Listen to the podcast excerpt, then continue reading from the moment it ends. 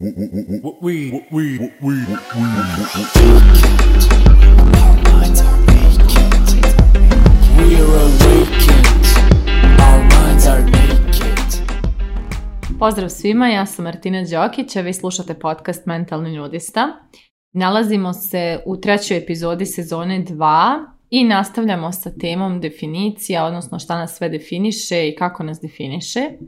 I tema ove epizode je s kim spavaš takav si, odnosno na koji način nas naša seksualna energija, naš intimni odnosi, ljudi s kojima spavamo ili ne spavamo, društvo koje nas gleda kroz to, na koji način nas sve to definiše na koji način mi podliježemo tim definicijama i na kraju dana i donosimo svoje odluke i strahe da nas nešto od toga ne definiše. E, svašta ću nešto da obuhvatim u ovoj epizodi, neke svoje primjere, neke tako situacije kroz koje sam prošla, neke stvari koje sam saznala, tako da bit će zanimljivo.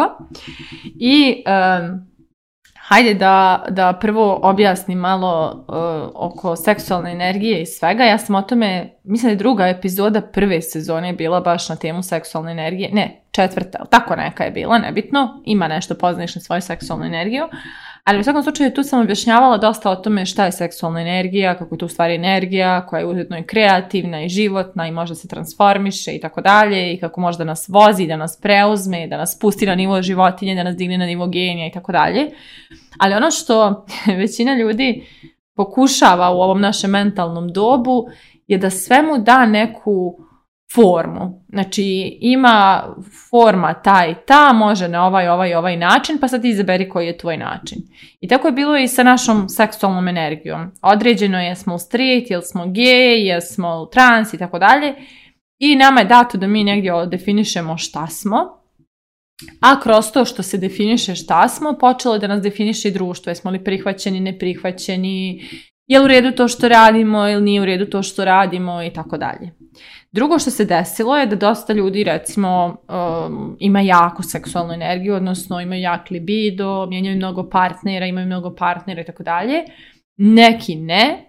I onda se i kroz to nas napravila neka definicija. Da li smo kurve, jer se kurvamo previše, ili smo neke fine žene, dobro, kod muškaraca ima to fuck boy ili, ili ne znam kako kurvar ili kako se to kod nas već kaže jer se ne govori previše o tome kad su muškarci u pitanju.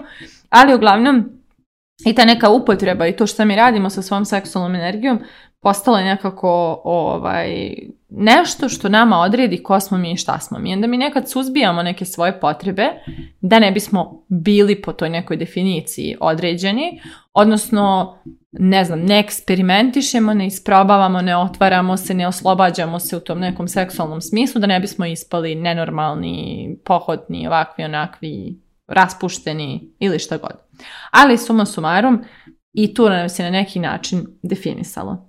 E sad, e, to je da kažem neki uvod u cijelu temu i da prosto shvatite u kom pravcu idemo, idemo u pravcu toga na koji način je naša seksualna energija i to s kim spavamo ili s koliko ih spavamo došlo do toga da određuje ko smo mi u stvari i da mi zbog toga onda izaziremo da ispratimo neke svoje potrebe ili strast ili interesovanje ili radoznalost da ne bismo ispali to nešto što se definisalo, jeli, da je tako.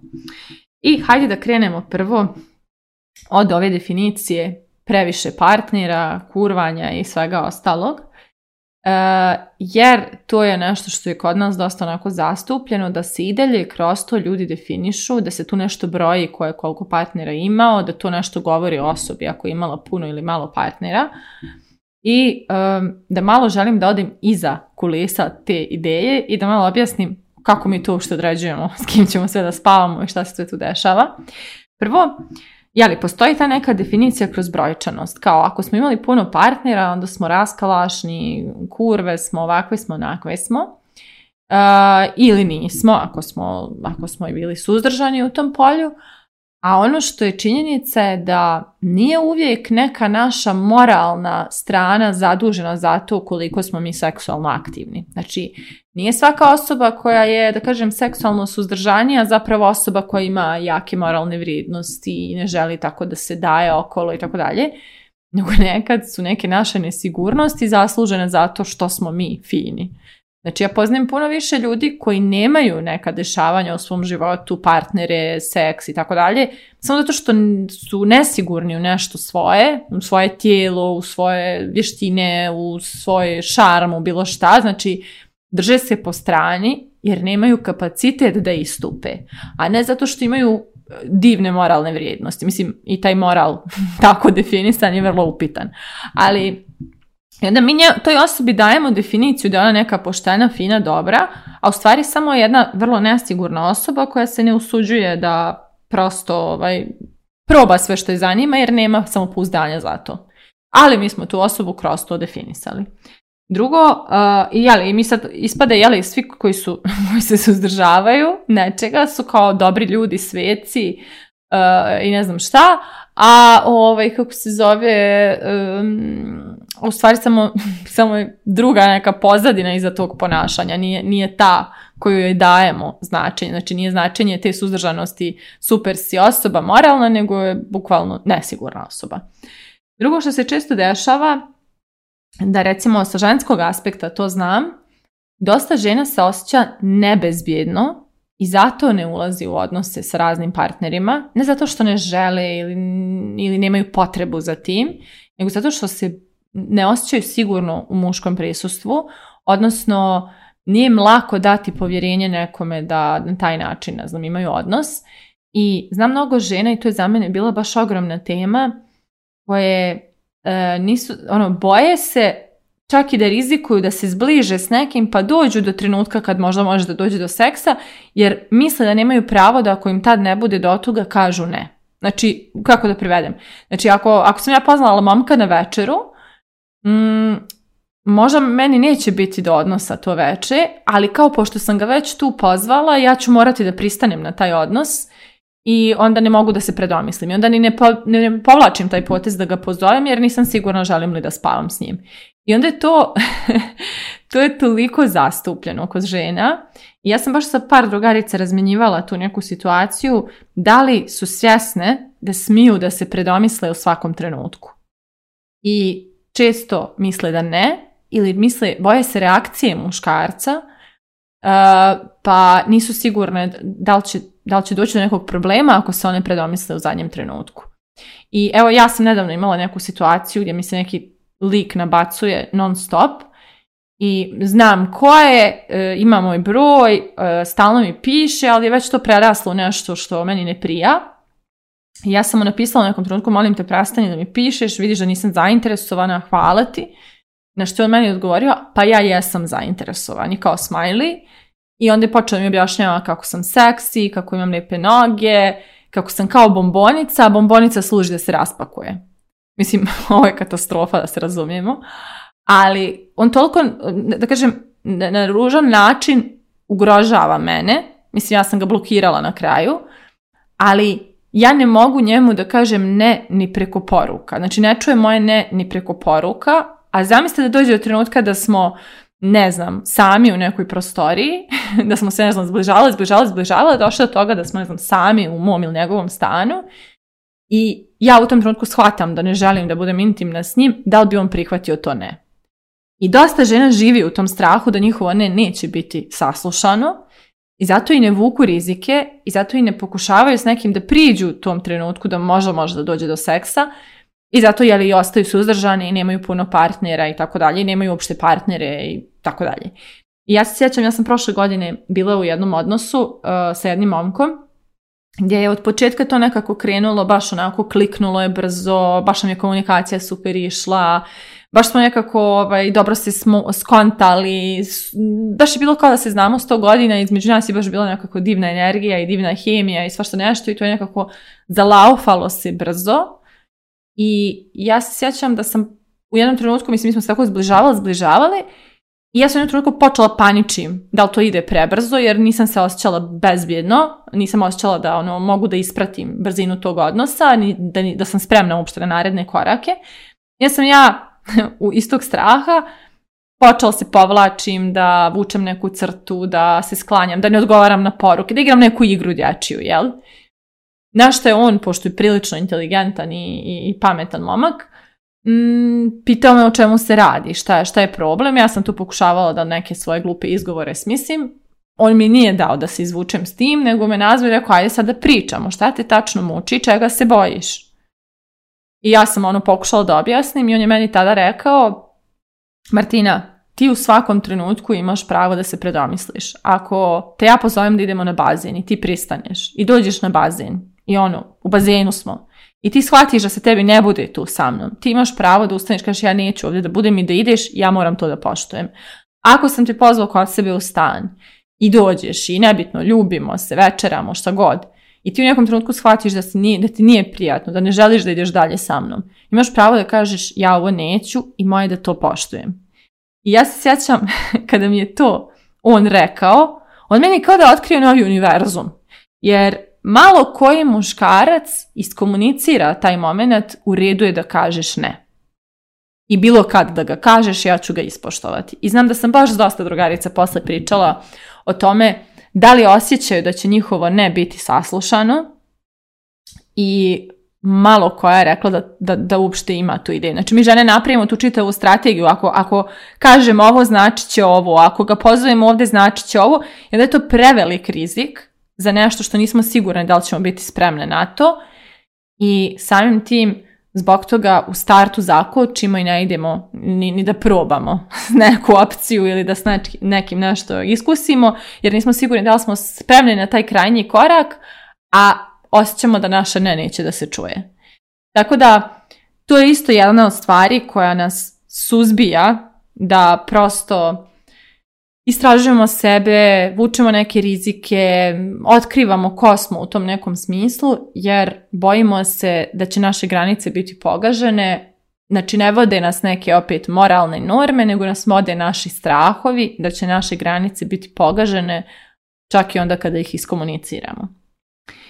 I e, tu je ono što je ovaj, što je recimo meni bilo baš zanimljivo, mi na Balkanu imamo dosta, dosta oko seksa, mnogo tabua i nekako smo puno konzervativni u tom smislu, a ja toga iskreno nisam bila dugo svjesna, jer sam, ono, ja sam neko ko je bio u vezama dugim, ima odnose, uživa u tome, nisam nikad shvatila da sve to ide u, u granicama nekih okvira koji su nama ovdje nekako pristojni, normalni i da mnogo nekih mojih možda ideja, igara i fantazija nisam nikad se ni usuđivala da pomislim na njih, a kamoli da ih nekom iskomuniciram, da ne bih zvučala ili izgledala kao neka nenormalna osoba.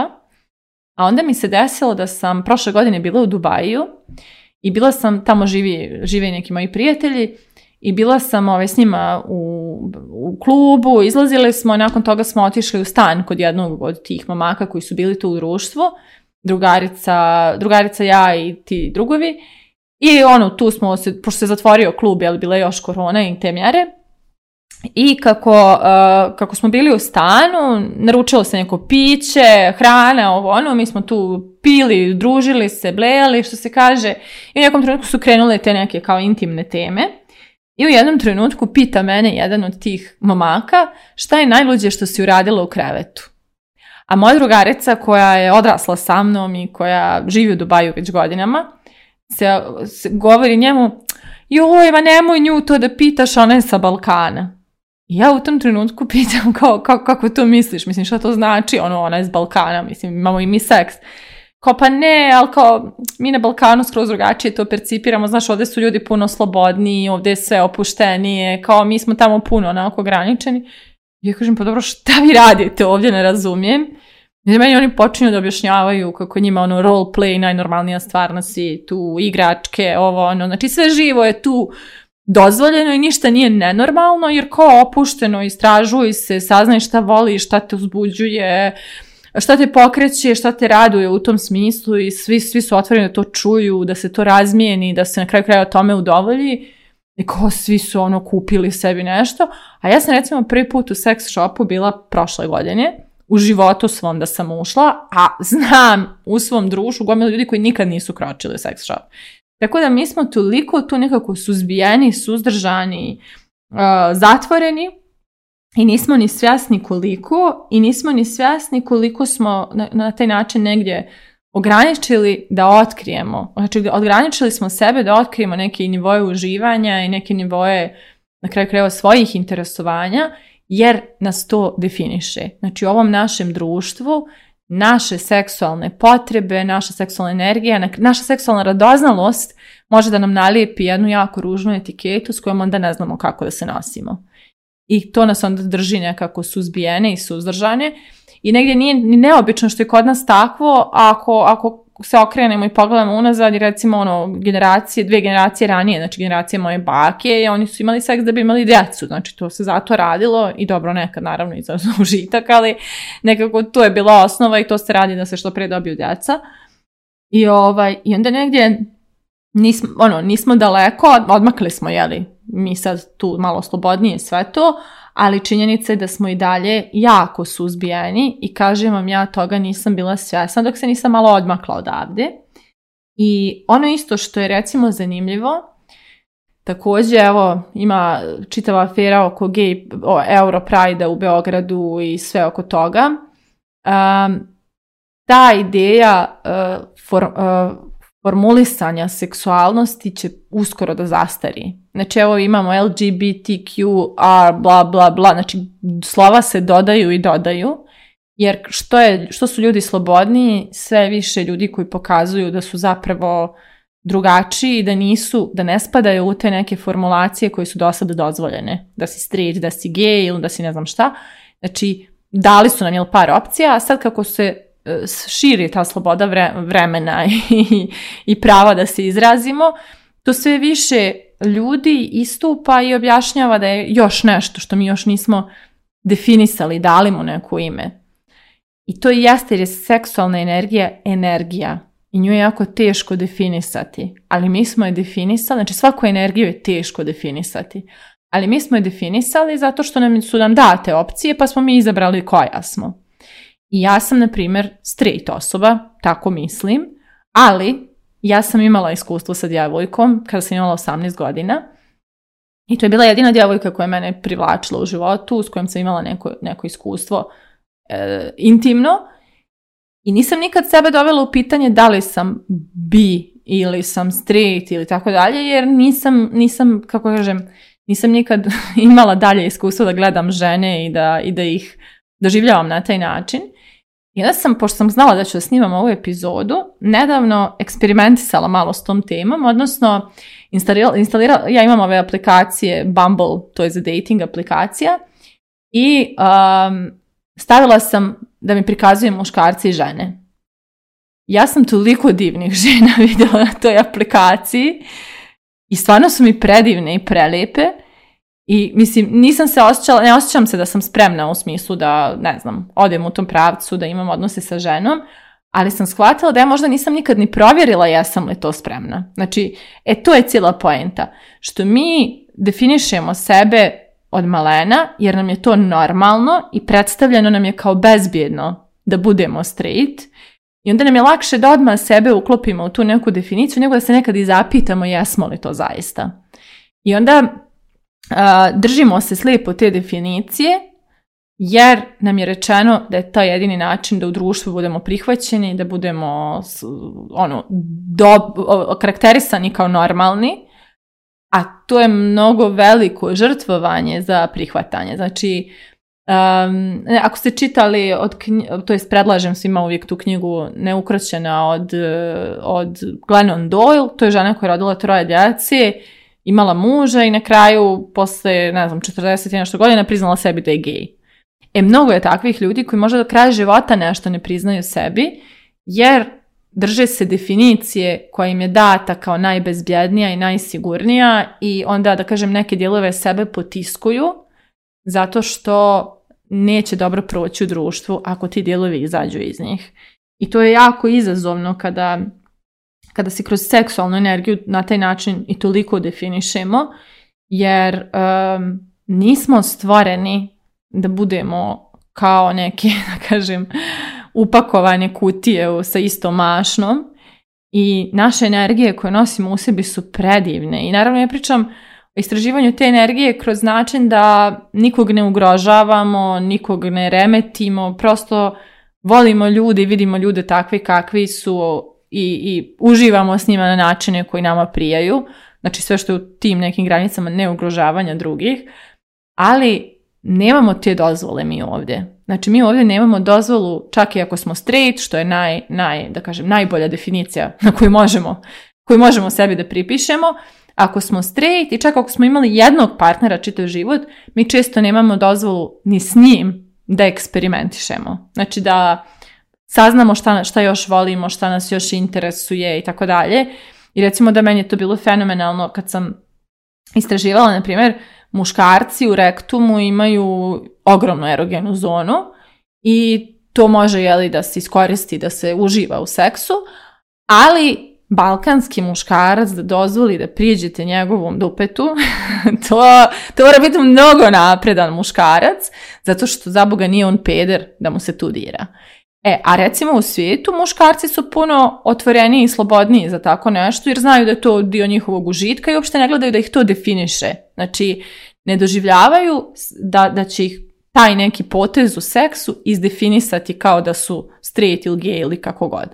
Tako da evo, svašta sam ispričala u ovoj epizodi, malo se i crvenim da vam iskreno kažem, jer sam koješta ovdje iznijela, ali to je suština. Naša seksualna energija je sputana time šta su nam rekli, šta znači ako ispratimo na ovaj ili onaj način. I onda je nama lakše da je suzbijemo i na neki način ne živimo te svoje potencijale, da ne bismo slučajno upali u pogrešan koš i dobili etiketu koja nam ne prija i s kojom ne znamo kako da se nosimo. I to je cijela poenta i to je jako naporno i teško zaživjeti ovdje na Balkanu i ja vam mogu reći, mnogo mojih prijatelja se u inostranstvu i tamo žive puno slobodnije živote u tom nekom smislu, e, zato što su izašli iz ovih naših definicija i ne osjećaju krivicu jer tamo su svi puno slobodniji i opušteniji u tom smislu, a ovdje nekako svi moramo budemo puno nekako suzbija, suzdržani, puno više da mjerimo pre nego što sjećemo i tako dalje i to je baš, baš naporno i na kraj dana i nepotrebno. I e, ovim bih negdje zaokružila ovu epizodu, naravno dobit ćete i pitanje za kraj, ali uh, pre toga samo da spomenem da iduće, iduće sedmice u četvrtak će biti online radionica Redefiniši sebe i u radionici ćemo raditi neke super stvari, odnosno e, proći ćemo malo kroz neke identitete koji dominiraju vama i definišu vaš život, koja su to neka pojedina ponašanja koja su vođena vašim nesigurnostima, koje odluke i moranja trpite, a ne želite u sebi, koja uvjerenja vas kontrolišu i tako dalje. I naravno kreirat će se neke, da kažem, nove perspektive i nove dozvole koje sebi branite. Znači, radionice 29. septembra od 19 do 21 putem Zuma košta 40 eura i u opisu epizode postoji link i na mom profilu na Instagramu koji možete da, koji možete da se prijavite. Tako da evo da to ovaj, e, napomenem. A sada se vraćamo na ovo pitanje za kraj koje glasi na koji način ste definisali svoju seksualnu energiju i da li vam ta definicija savršeno odgovara ili postoji još nešto što treba da istražite i saznate o sebi. Mislite o tome, a mi se družimo u narednoj epizodi. We are minds are naked